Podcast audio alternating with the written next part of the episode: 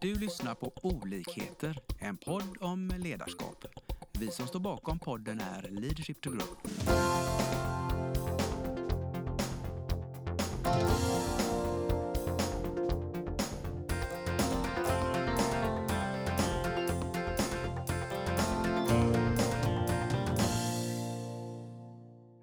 Välkomna ska ni vara allihopa till dagens podd. I, idag har jag en jättespännande gäst som faktiskt får presentera sig själv. Välkommen!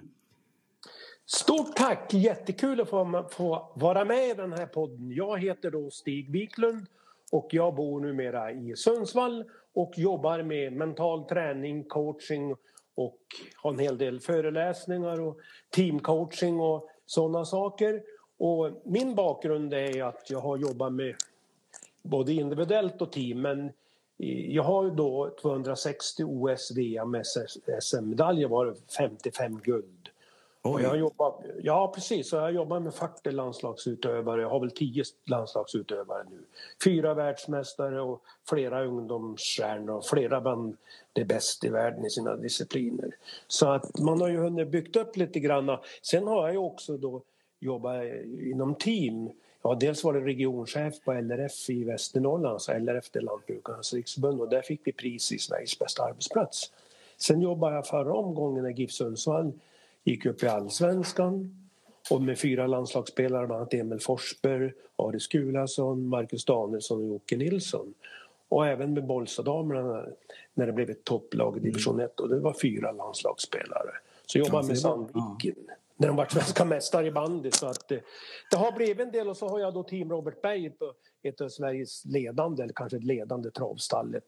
Så jag har som, och de jobbar jag fortfarande med. Och mm. även då ICA Rosen har jag jobbat med. Så jag har, har både liksom inom idrott men även utanför idrott. Idag coachar jag ungefär 32 personer, 16 kanske inom, eller inom idrott och 16 utanför. Så att det har blivit lite, en hel del. Ja, jättespännande. Vad kom det sig att du började en gång i tiden? Ja, det, det, ofta är ju sådana här saker tillfälligheter. Jag läste då en artikel i, då jag satt på en flygplats i Örnsköldsvik och läste Dagens Industri. Läste en artikel av Johan Holmsäter som startade Friskis och Svettis. Och där var det så spännande att det var en artikel med Lars-Erik Unestål. Då eh, om mental träning. Han hade jobbat med det kanadensiska OS-laget och fått väldigt bra resultat. Och då hade han start, startade han upp en utbildning i Örebro då, där man kunde bli mental tränare. Och den utbildningen gick jag, då var jag klar 1991. Och samtidigt då jobbade jag på LRF. Jag ville inte bara börja jobba med, bara med mental träning men då fick jag också jobba på LRF med Ja. Mental, med mental träning och coaching. Och sen så i 2010 då började jag på heltid med mental träning och coaching för då hade jag så många. Då hade jag bland annat Helena Ekholm som var ju väldigt stor då skidskytte. Ja. Johan Olsson hade jag också då på skidsidan. Anna Olsson också som också då var väldigt stor. Britta Johansson Norgren och då gick det inte liksom att kombinera med något jobb. Jag, hade jag jobbade ungefär 60-70 procent på LRF, resten med det mentala. Men då kände jag att nu måste jag ta det här på heltid. Fullt ut ja. ja. ja. Det, det, och det ångrar du inte tänker jag? Nej, det är ju faktiskt eh, jätteroligt. Jag trivs jättebra och tycker det är verkligen är roligt. Och det är ju kul och nu får man då jobba med Frida Karlsson. Bara det är ju liksom en ynnest att få vara med. Jag började med Frida när hon var 16 år. Då började vi träffas vi i Sollefteå. Sen dess ja. har vi jobbat tillsammans. Det, och det har varit också en häftig resa verkligen. En fråga där Stig, jag som också jobbar med lite med idrott och framförallt segling då. Att börja så tidigt som 16 år, hur lyckades eh, du med det? För det är lite unikt känns det som. Ja, jag hade då Sollefteå skidor. För eh, Fridas mamma Mia Karlsson var ju ledare där mm. och ville jag skulle komma och prata om mental träning och coaching. Och då blev Frida så väldigt intresserad, så typiskt. Nu var ja. ju en 20 ungdomar men Frida hon föll direkt för det där. Sen, hon sen, det? Ja. ja, direkt och, och då började vi att jobba. Och jag lärde mig ju Alltså ofta tycker jag så här när man jobbar på det här sättet att man lär sig så mycket själv och, i sån här resa. Och då lärde jag mig det där att det var ju så väldigt bra att börja tidigt med Frida. Och eh, då lärde vi varandra utav de här mentala teknikerna. Och sen nu har jag ju flera då ungdomsstjärnor. Jag har Ludvig Novik här i Sundsvall som, är, då, som nu gick upp i allsvenskan och Ludvig är ju då stjärna i, i fotbollslandslaget på P17 tror jag det är, P18. Ja, det. Och, Ja, och, och jag har också några andra, Frida Olsson är ju också med i landslaget för flickor 17 och Ja så har några nu, det börjar bli fler och fler som börjar väldigt tidigt. Och jag tycker det är bra därför att det är så viktigt att börja tidigt med de här mentala teknikerna och coachteknikerna, alltså coacha sig själv och alltså att man jobbar med de här bitarna. Precis, Nej, men det är det jag tänker också att eh, kan man börja tidigt måste det ju vara väldigt mycket fördelar med, med, det, med det. Men precis som du säger, det krävs ju en träning, det krävs en vana eh, och att leda sig själv. Ju tidigare man börjar med det, ju bättre är det ju förmodligen. Ja men så är det ju och jag märker ju en väldigt stor skillnad när jag började jobba med mental träning, när jag började med de här då som var på landslagsnivå, både inom fotboll, i skidor, skidskytte och hockey och alla de här, utförsåkning också för den delen, så ville ju alla ha tystnadsplikt. Det var bara Johan Olsson som inte, han tyckte det var häftigt. Alltså han tyckte inte det? Ja, han var ju bra. Dels var det ju inte roligt med Johan, därför han ville ju inte jobba med mental träning utan det var ju Anna, frun, som sa åt Johan att då när de hade börjat vara lag, om du inte börjar med JOS och jobba med Stig då kommer det bli väldigt tufft för det. Och då började han, Ja. han var ju tveksam men han sa det, för hans del var det ju livsavgörande. Så att, men då var det ju liksom, alla ville ju nästan ha tystnadsplikt därför det var ju inte, man, då betraktar man ju mental träning att man, det var svårigheter, man hade problem med psyk och sådär. Idag upplever Okej, jag ju ja. att det är precis tvärtom. Idag vill ju många jobba med mental träning och ser det som en väldig merit. Jag, har ju, jag ligger på ungefär mellan 5 till 10 förfrågningar i veckan.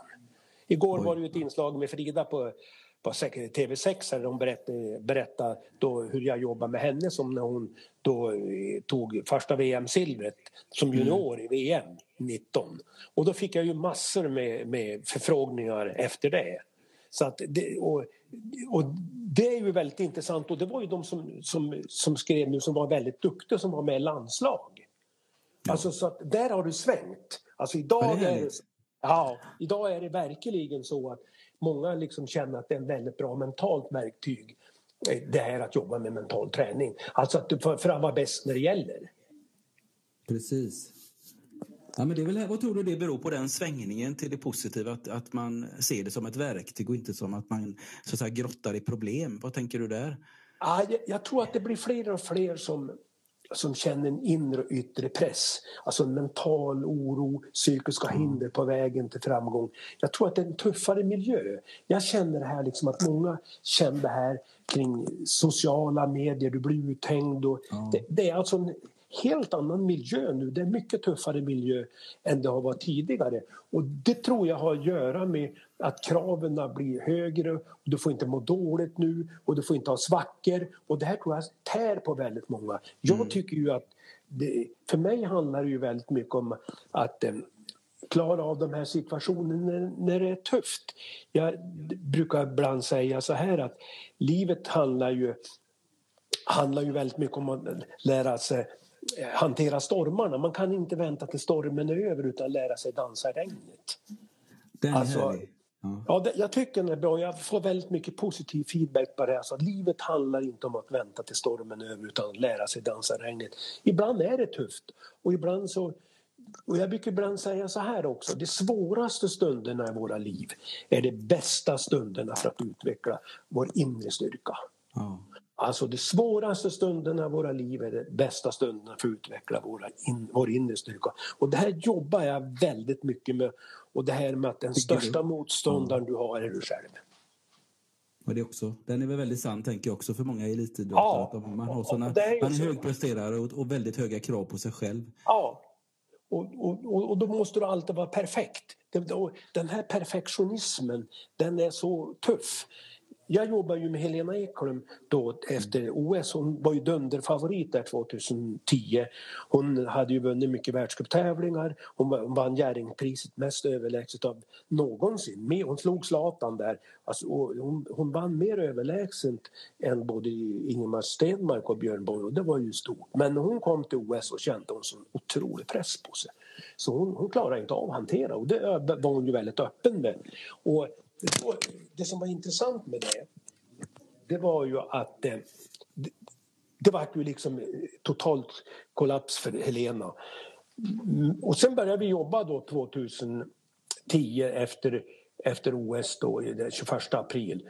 Och sen då var hennes mål att ta VM-guld 2011. Det gjorde ja. hon. Vi körde en mentalt så, en mental plan. Men det som var intressant då, efteråt så säger ju Helena, jag jobbar ju fortfarande med Helena Ekholm, då säger hon så här att, att det, det, det, det som hände i OS var ju naturligtvis otroligt tufft men det lärde mig väldigt mycket också. Det lärde mig att hantera de här bitarna. Så vi skrev en bok, Helena och jag, som heter Vägen tillbaka för att beskriva det här, för hon var heller ingen ungdomsstjärna. Alltså du behöver inte vara stjärna när du är ung för att du ska lyckas väldigt bra. För hon var ofta sist i tävlingarna, men hon kämpade på. Hon hade en dröm om att bli bäst i världen, hon blev det. Men det var en väldigt tuff resa för hon var ofta sämst. Men hon kämpade på och det här lite amerikanska begreppet grit, alltså hon gav inte upp utan hon ja. fortsatte och kämpade på. Och när hon då började jobba med mental träning 2010 då fick hon ett genombrott. Och hon började coacha sig själv och så. så att det där gjorde ju det här att Helena fick ju så mycket nytta av det här så hon sa det idag så kan jag känna att det där misslyckandet som det ändå de facto varit i OS ja. var så väldigt avgörande för min personliga utveckling.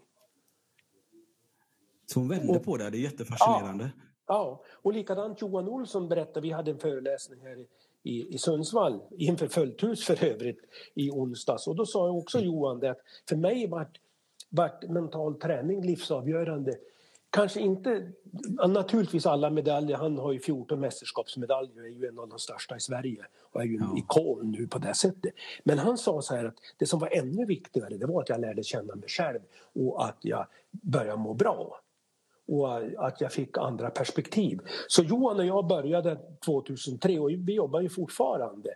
Och det är också liksom ett spännande i min värld för att de allra flesta jag jobbar med de har jag jobbat jättelänge med.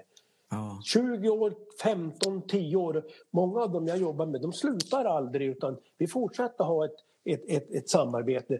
Så att det, och det är därför jag inte kan ta på mig så mycket nya uppdrag eftersom de, de är kvar allihopa. Det blir liksom något sånt där, ja men du, du, du blir, det, blir både, det blir både mentorskap och det blir coaching och det blir så mycket annat och det är ju helt fantastiskt egentligen att det kan Absolut. få vara så.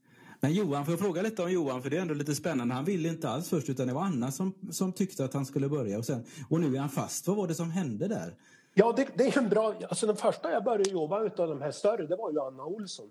Och det var ju också lite roligt, för då gjorde vi en liten paus också. Sen kom hon tillbaks och sen tog hon OS-guld 2006 i Turin. Och Anna tyckte att hon, började, hon, hon, tyckte det var så tufft med att tävla, hon tyckte det var så tufft runt omkring. Hon hade mycket ångest och, och, och, tyckte det var jättetufft. Men då jobbade vi mycket med de här att träna så att hantera ångest. Hon fick jobba med norostund med, mellan 17 till 17.30 och sen så fick hon sluta med ältandet och negativa tänket. Så Anna såg ju att hon började må bra och fick så väldigt bra mentala verktyg. Ja, ja. Och då så sa hon att du måste börja jobba med, med Stig, sa Anna, därför att Johan, han sov ju med skidorna. Alltså han levde med skidor dygnet runt. Så att han, vi, vi skojar om det här än idag, att han sov med skidorna i princip. Alltså han var så inne där och det var ju hans stora utmaning. Det blev bara för mycket. Han kunde ju inte ja. gå ut och fika för då var han rädd att han skulle bli förkyld. För han var så inne i det här med, med, med, med, med tävling och, och, att då ha fullt fokus. Och jag såg ja, på en gång att det kommer ju inte att funka. Nej. Så då började vi att jobba på det här sättet. Och han, de två bästa mentala coachövningarna som han nu när han själv håller föreläsningar, eller när vi håller föreläsningar tillsammans säger, det var som han tyckte som var revolutionerande för han i hans mentala utveckling. Det var den här övningen att han fick skriva upp tre bra saker varje kväll. Tre bra saker? Ja. Ja, och sen fick han, när han tävlade så, så hade vi, då fick han då också göra på samma sätt och då fick han en utvärderingsövning, tre saker han hade gjort bra, vad han hade kunnat gjort bättre och hur. Alltså tre saker han gjorde bra, vad han hade kunnat gjort bättre och hur. Och, och det passar Johan så väldigt bra därför att han var väldigt offensiv och framåt och väldigt toppsmart. Mm. Så det passar han väldigt bra. Och så när det var lite tufft då fick, jobbade vi mycket med att han fick ge fem bra saker varje kväll, inte tre saker. Så han, han, låg, på det. Ja, ja han låg i Bruksvallarna innan han då vann VM i Falun 2015. Då låg han ju i Bruksvallarna sju veckor. Han tränade, han sov, han åt. Och då då gjorde vi så att då fick han jobba med fem bra saker. Så jag kunde alla kycklingrätter, jag kunde alla såser för det var ju nästan, det var ju inte så mycket annat eftersom han gjorde inte så mycket annat. Men, men, han tyckte det här var fantastiskt bra så att det där gjorde ju att Johan lyckas ju så väldigt bra och mådde ju så himla bra när han kände det där att han fick de här verktygen. Så att eh, det jobbade vi väldigt mycket och så hade jag en annan övning med Johan som, som också var väldigt bra som han, han fick skriva upp. Hjälper den här tanken mig? Alltså när han började tänk, tänka lite utan, när det var lite tufft, vilket alla har, då fick han den här övningen Hjälper den här tanken med som han skrev upp då och hade med sig. Och sen jobbade jag också med Johan att han fick ha en orostund. Alltså varje gång det blev någonting under dagen som var problematiskt så fick han skriva upp det och sen tog han då en stund mellan 18 till 18 och 15 och då var en orostund och då, då bearbetade han där och sen var det inget mer. Och sen då kunde han fokusera på ja. tankar som gjorde han stark.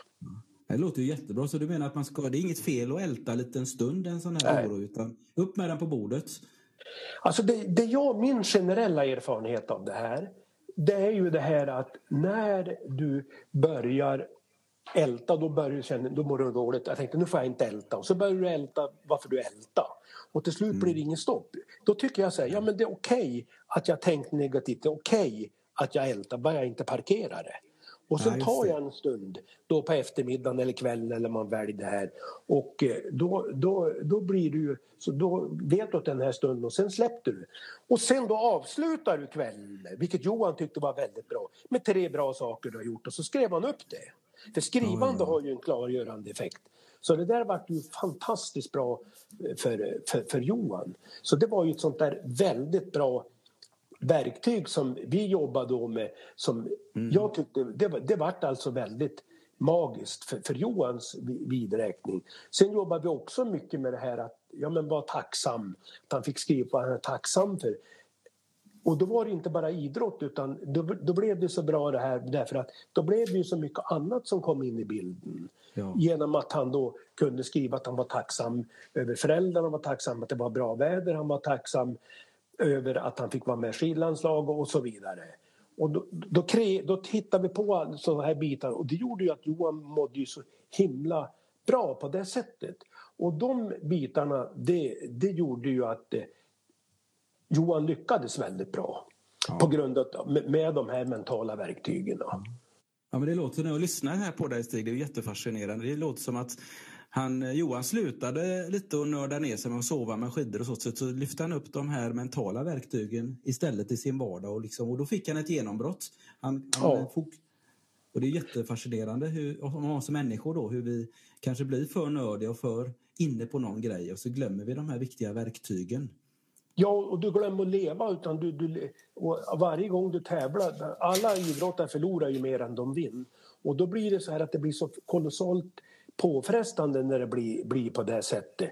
Och då menar jag att då måste du hitta andra värden. Du, är, du, du får inte bli din prestation, för risken är, och det vart ju för Johan, han vart ju mer rädd att misslyckas än glad att lyckas. Och det här är ju väldigt vanligt inom idrott, att du blir mer mm. rädd att misslyckas än glad att lyckas. Precis. Rädslan där blir en, ett gissel. Ja, det blir det, det, det, det, blir det som blir fokus. Och, och sen jobbar ju då... Det var ju också lite roligt för att Johan då 2009, 15 kilometer då han har väl aldrig varit så bra form då på VM och så vart, hade han fel skidor, alltså han vart bortballad. Ja, så han ja. sprang runt 15 kilometer och var sjua. Alltså helt heroiskt, men han var ju jättebesviken. Då bestämde vi oss där för att han skulle då bli en femmilsåkare. Därför att... Eh, alltså det kom där? Ja, ja, för han var, alltså alla sa ju så här, ja men Johan Olsson är ingen femmilsåkare. Johan hanterar inte, hanterar inte fem mil för han är för lätt i kroppen och han är ingen, han är ingen femmilsåkare. Och det, till slut så trodde ju Johan själv på det där så då sa jag ja men tänk Johan om du skulle bli bäst i världen på, på, på fem mil. Och han tvekar ju och han, nej men det, jag är ju egentligen ingen femmilsåkare. Ja men sa det, det vet vi ju inte. Från att prova. Och, och det här var ju lite kul därför att då tog vi fram efter det här, alltså när han misslyckas så totalt, tog vi fram att nu skulle han då klara Vancouver då i OS 2010 och sen VM då 13. Och då jobbar vi med två, tre mentala kraftord. Och då jobbar vi så här att han fick ta fram dem och det blev då jag är stark, jag är uthållig, jag har en bra spurt. Alltså han jobbade, de tog process, ja, processade fram det här och då kom det fram att de här mentala kraftorden skulle han jobba med. Jag är stark, jag är uthållig, jag har en bra spurt. Då hade han det på kylskåpet, han hade de här i sängkammaren, han hade det på toaletten, han hade med sig när han, när han, när han var ute. Överallt alltså. Jag är stark, jag är uthållig, jag har en bra spurt.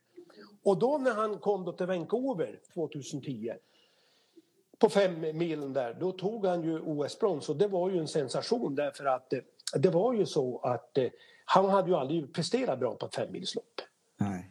Och då bestämde vi det att ja, men om det nu gick så bra i Vancouver varför skulle det inte kunna gå lika bra då i, i, i 2013 den 3 mars då i VM? Precis. Och, och, och då använde han ju de här nyckelorden och, och, och det gick ju väldigt bra.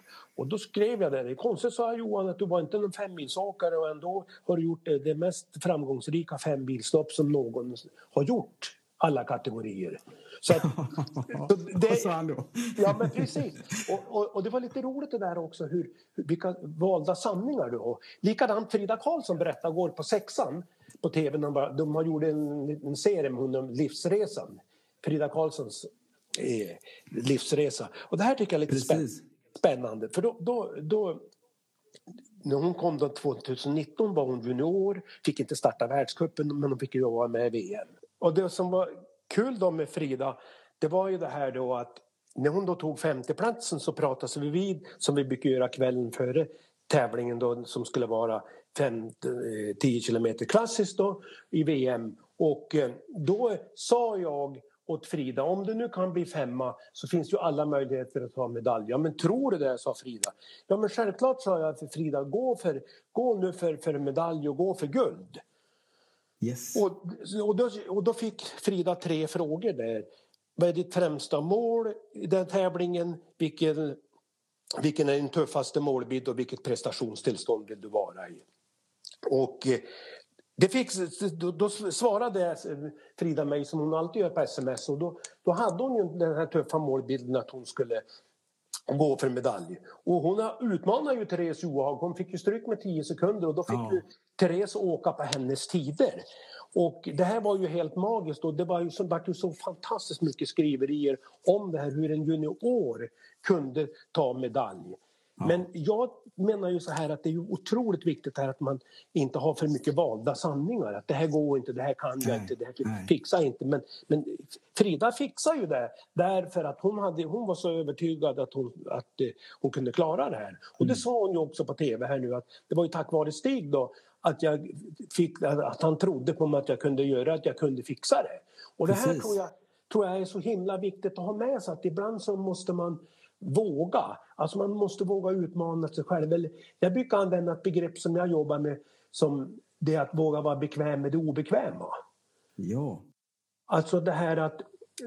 För det är ju lite så här att man kommer ihåg att det är det obekväma man växer och utvecklas och bygger mental styrka. Och det är, det är så lätt att fly ifrån och hitta bra förklaringar för att undvika det obekväma. Mm. För hjärnan väljer nämligen den väg som tar minst energi. Ja. Så vi programmerade. Ja, precis. Och det är bekvämt att göra det som är bekvämt. Och jag jobbar precis tvärtom. Och alltså, våga jobba med det obekväma. Och det här lärde jag mig när jag jobbade med Johan då, inför femmilen den 3 mars då, 2013 som blev så fantastiskt eh, stort.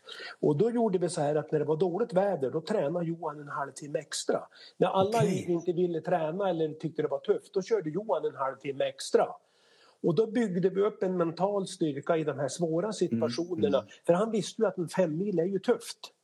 Och han var ju dessutom skadad när han vann det här loppet vilket är ju sensationellt att du kan åka en femmil och vara skadad och vinna på ett sätt han gjort den mest överlägsna ja. segern som har blivit på, på, på en fristilslopp sådär. Eller klassiskt lopp. Och det byggde ju väldigt mycket på att våga vara bekväm med det obekväma. Vi körde det där och så körde vi de här mentala nyckelorden.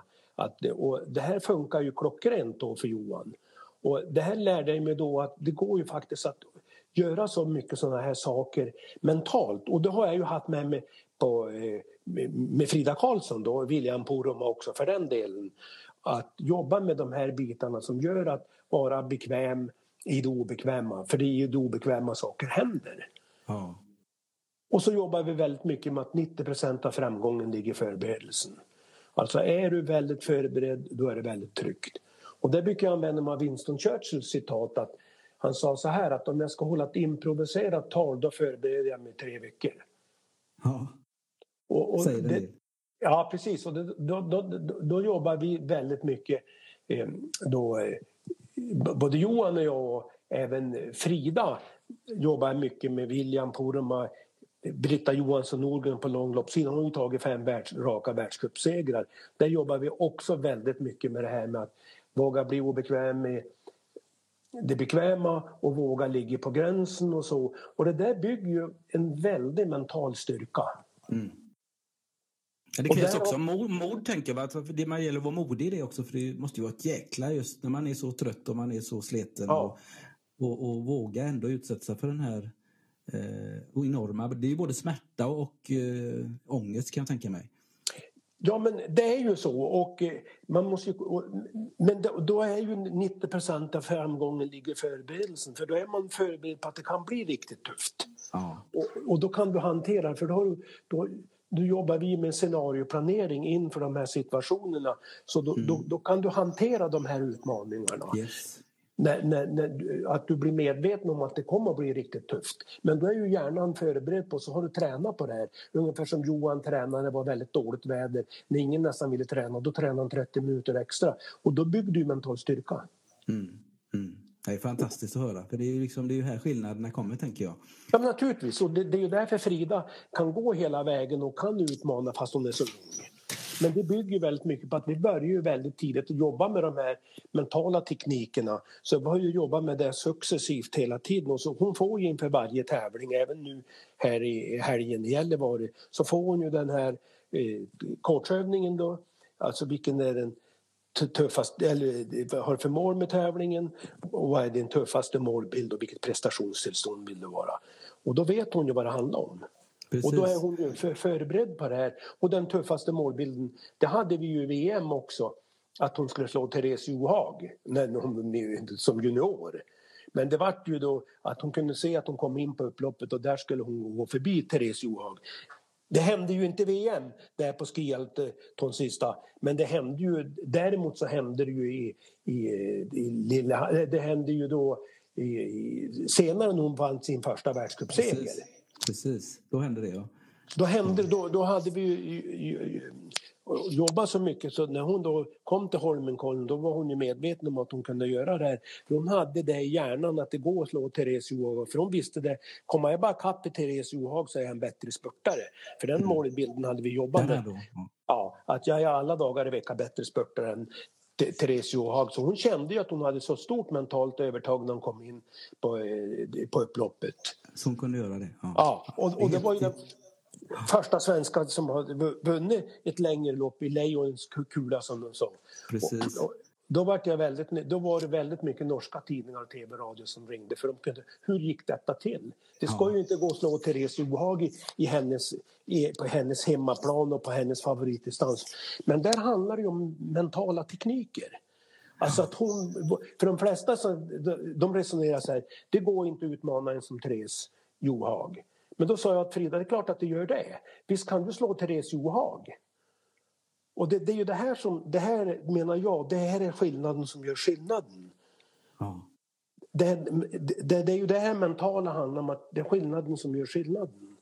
Ja, det är otroligt intressant Stig. Men sen tänker jag, du, när vi pratar upp oss här också så pratar du också om att en del är hur du utmanar och stöttar och coachar men sen tränar du eh, till exempel Frida väldigt mycket i den här hur man leder sig själv i det personliga, personliga eh, coachandet. Mm. Ja, kan du berätta lite om det? Hur, lär man en, en eh, världsstjärna att, att coacha sig själv lite bättre? Alltså egentligen det intressanta med det här det var att jag åkte på en liten blåsning på det här. Och det var alltså? det som lärde mig. Ja, precis. Det var när Helena Ekholm och jag skrev boken Vägen tillbaka. Ja. så frågade författaren Sara Olsson Helena vad var det bästa att jobba med Stig? Ja, sa Helena, jag kunde ju alltid ringa till han. Ja men Helena sa, du ringde ju aldrig mig. Nej, varför ska jag göra det, sa Helena. Ja, men vad fasiken menar du då? Jag visste ju exakt vad du skulle svara. Det var ju bara onödigt att ringa. Men, ja, men som fasiken säger du, sa jag. Jag vart ju så jäkla besviken innan jag förstod pengen i det. Ja. Hon behövde ju inte, hon behövde ju inte, därför hon, och det var ju självcoachingen första gången jag egentligen kom i kontakt med det. Ja, ja. För när hon åkte då skidskytte då hade hon på ena axeln Pichler och mig på den andra.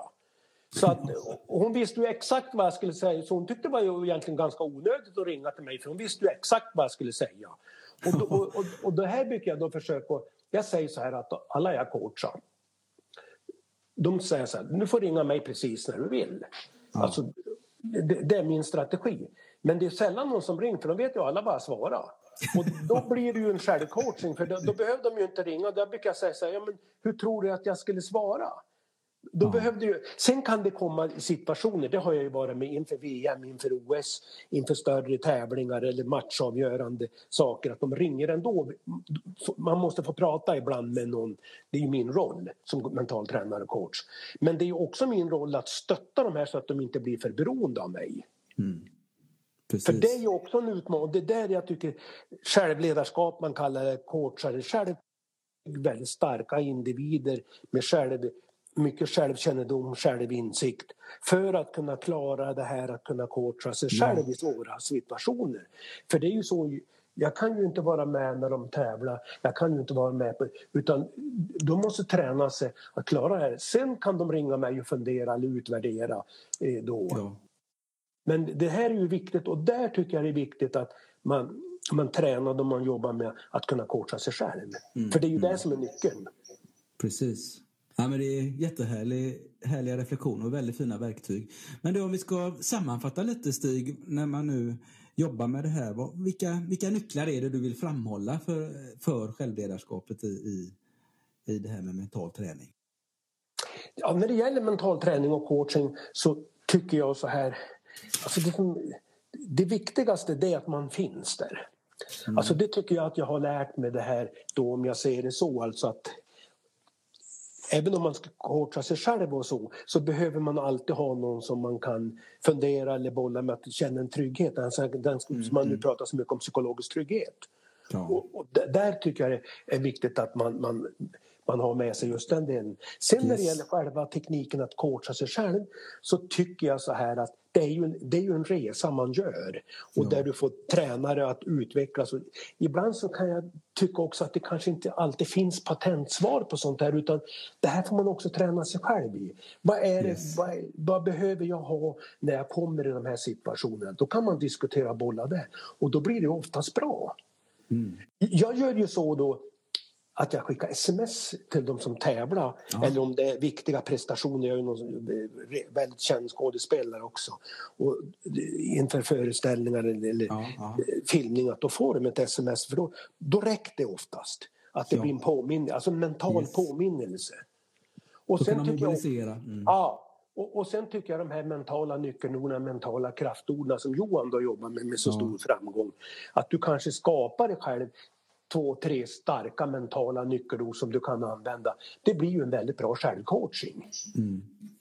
Och de har yes. med och de levde med. Det, det, det, tycker jag är en sån där sak som är väldigt bra. Sen ett annat bra tips som jag har stor, haft stor nytta när jag coachar det är att du skriver upp kanske varje kväll tre bra saker du har gjort eller mm. tre saker du är tacksam över eller tre saker som har stärkt ditt självförtroende eller gett dig positiv energi. Det blir ju också en form av självcoaching som ja. jag tycker är väldigt bra. Lyfta fram det positiva. Ja, ja. Och, mm.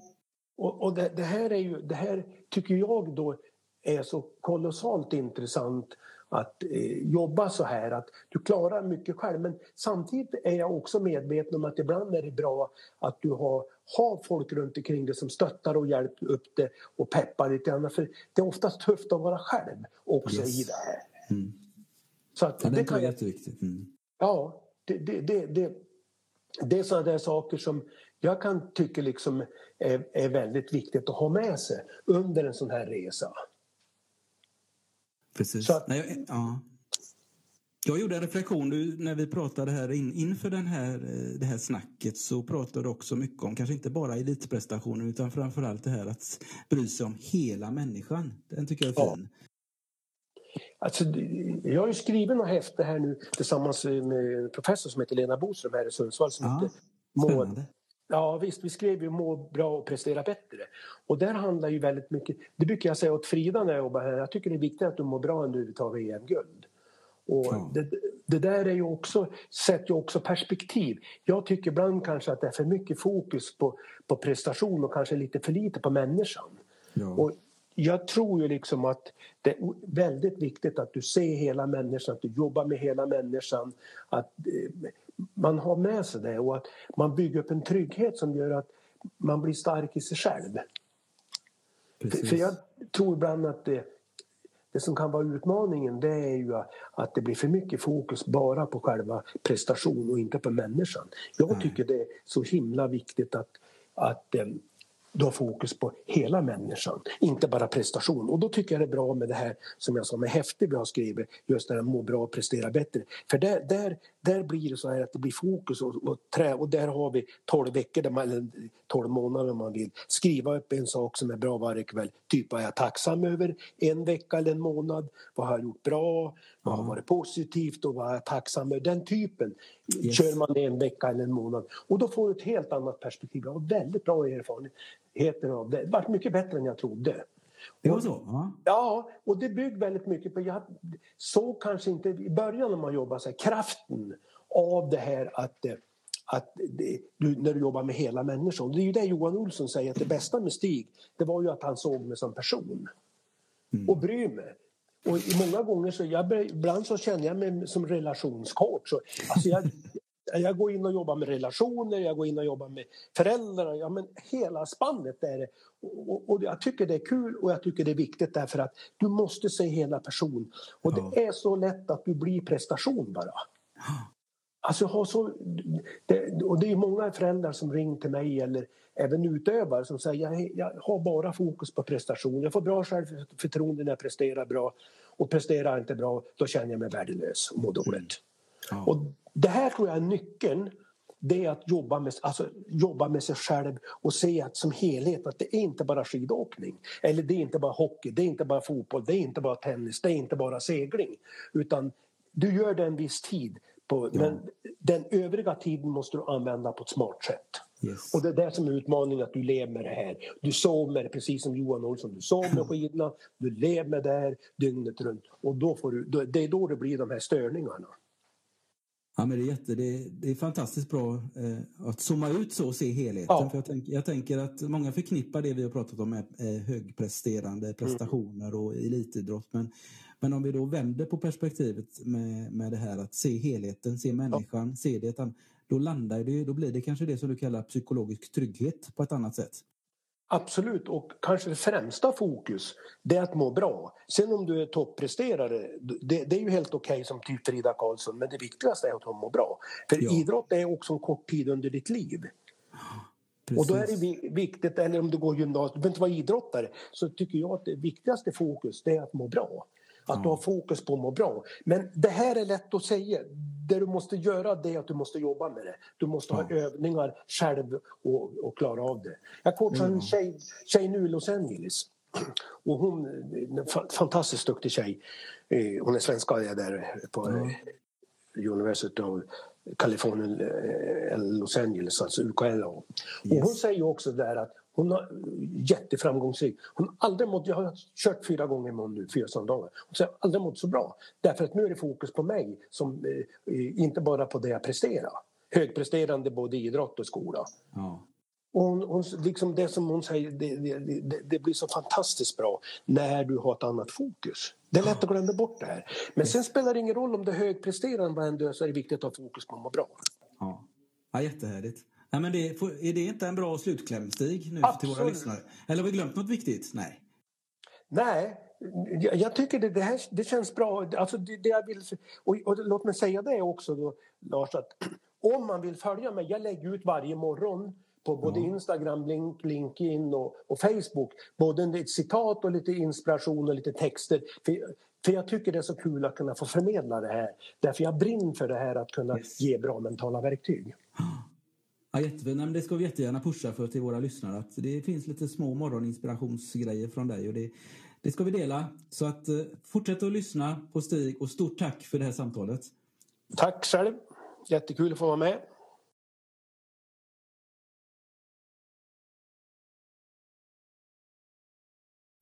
hoppas att vi har väckt tankar om hur du kan utveckla och stärka ditt personliga ledarskap. Följ oss gärna på våra sociala medier där vi heter Leadership to Grow. Om du vill ha mer inspiration och verktyg, gå in på vår hemsida leadershiptogrow.com. Tack för att du lyssnar.